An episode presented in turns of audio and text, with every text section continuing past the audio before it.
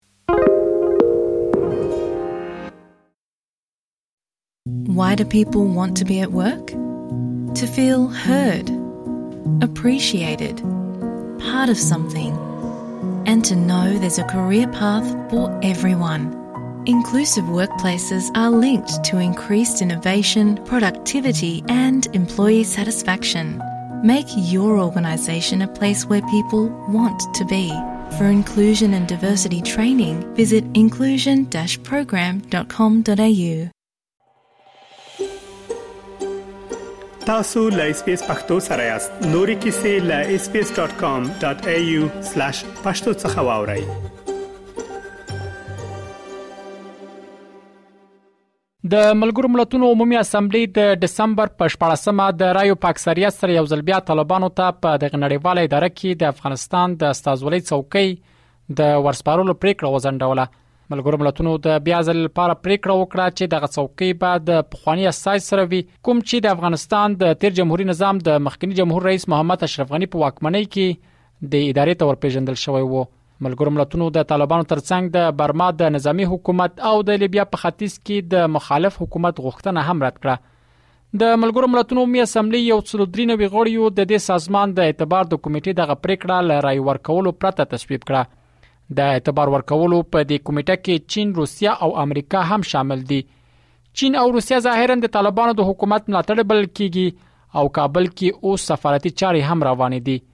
له هغه راځي چې طالبانو بیا ځل په افغانستان کې واک ترلاسه کړی دا دوهم ځل دی چې د اعتبار کمیټه غونډه کوي او د ملګرو ملتونو سازمان کې د طالبانو د استازي لمنونو ډډه کوي د دغه پریکړې لمخې به اوس په دغه سازمان کې د افغانستان د دایمي استازولۍ سرپرستی تر یو بل کال پورې اوسنۍ سرپرست نصیر احمد فائق وکړي د طالبانو لواکمنۍ له یو کال زیاته موده وشوه خو هیڅ یو هیواد یا نړیواله اداره دې ته نه ده حاضر شوې ترڅو د دوی سرپرست حکومت پر رسمیت وپیژني د ډلې واک ته له رسیدو وروسته په ملګرو ملتونو کې د څوکۍ غوښتنه کړې و او دا یې ژمنه کړې چې د مرمنو او اقلیتونو د حقوقو درناوی به کوي او ټول ګډونه حکومت به جوړوي د افغانستان پخوانی ډیپلوماټ او د سیاسي چارو شنونکي عزیز معراج د ملګرو ملتونو دغه پریکړه ته په کتو اس بي اس رادیو ته وویل لدې ښکاري چې ډېری هیوادونه د ځین عواملو لامل چمتو نه دي چې په دې سازمان کې د طالبانو د حکومت په ملاتړ خپل رائے وکاروي نو موري زیاته کړه چې د ملګرو ملتونو د څوکۍ تر لاسه کولو لپاره طالبانو ته پکار ده چې لنړیوالو سره په کړو ژمن عمل وکړي په کوردننه یو معیاري حکومت جوړ او د بشر حقوقو په ځانګړي توګه د خوځو ونجونو حقوقو ته درناوی وکړي پخوانی ډیپلوماټ او د سیاسي چارو د غشنون کې وویل د دې ترڅنګ ځینې نور معیارونه هم دي چې د دې سازمان د غړیتوب لپاره پکار دي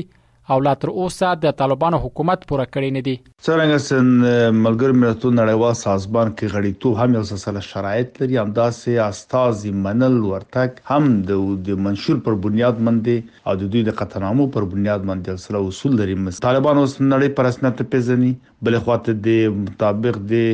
1948 کال اعلامیه د حقوق بشر د دوی هم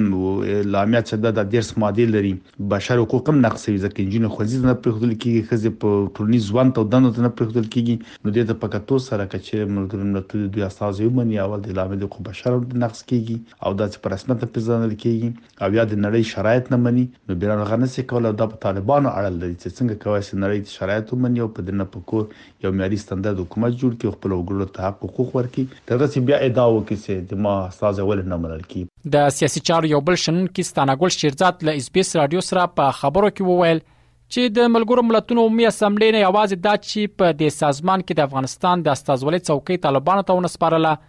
بلکې په دې ډلې یې شرایط نور هم سخت کړل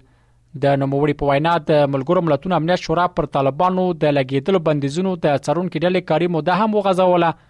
کوم چې ټاکل شوی و د روان کال د دسمبر په ولسمه پای ته ورسیږي د سیاسي چارو د غشنونکو زیاته کړه چې د ملګرو ملتونو سازمان او امنیت شورا دغه پریکړې د افغانستان په زیان دي او طالبان ته پکار ده چې ژر تر ژره نړیوالو سره خپل ستونزې حل کړي په ملګرو ملتو کې د افغانستان چوکۍ نه یوازې دا چې طالبان ته ورسپارله بلکې په طالبانو باندې نور هم شرط سخت کړل هغه د نظارت هیئت چې په 19 د دسمبر یو ځای پای ته رسیدله چې په طالبانو باندې تحریمونه د تحریمونو نظارت کوي د غوي مدام تر یو کال پورې تندید کړه چې ویازه په طالبانو نه بلکې هر څو چې طالبانو سره رابطه لري کغه افرادي ګروپونه دي او که شرکتونه دي هغه نظارت بم کوي دغه پرېکړې د ملګرو ملتو د طالبانو کاملا په خلاف وي او طبي خبره ده چې دا په طالبانو او په اسلامي امارت باندې منفي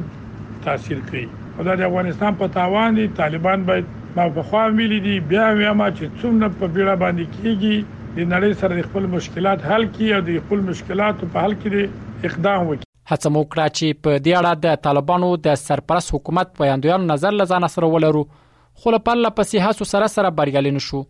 خو د ملګرو ملتونو لپاره د دې ډلې لوري نومول شي استاذ سہیل شاهین بیا له بي بي سي سره په خبرو کې دغه پریکړه ناعادلانه وبلله او وی ویل چې دوی د ملګرو ملتونو سازمان کې د افغانستان څوکۍ تر لاسه کول لپاره ټول شرایط پوره کړي او دغه څوکۍ باید اوسنی حکومت ته وسپارل شي ښکاره بې انصافي ده. اوسنی حکومت د اسلامي امارت په ټول هېواد باندې تسلط لري، د هېواد پلازمېنه یې په لاس کې ده، سرحدات یې په لاس کې دي، د ولس ملاتړ ورسره ده، د خپل هېواد نه د دفاع کولو پوره توان لري او هغه یې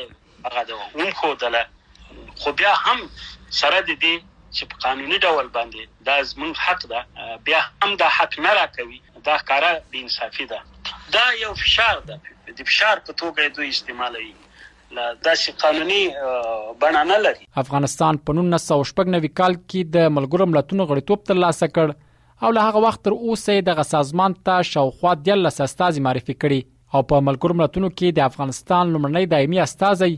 محمد کبیر لودین وو رحیم الدین اوریا خیل اس بي اس رادیو افغانستان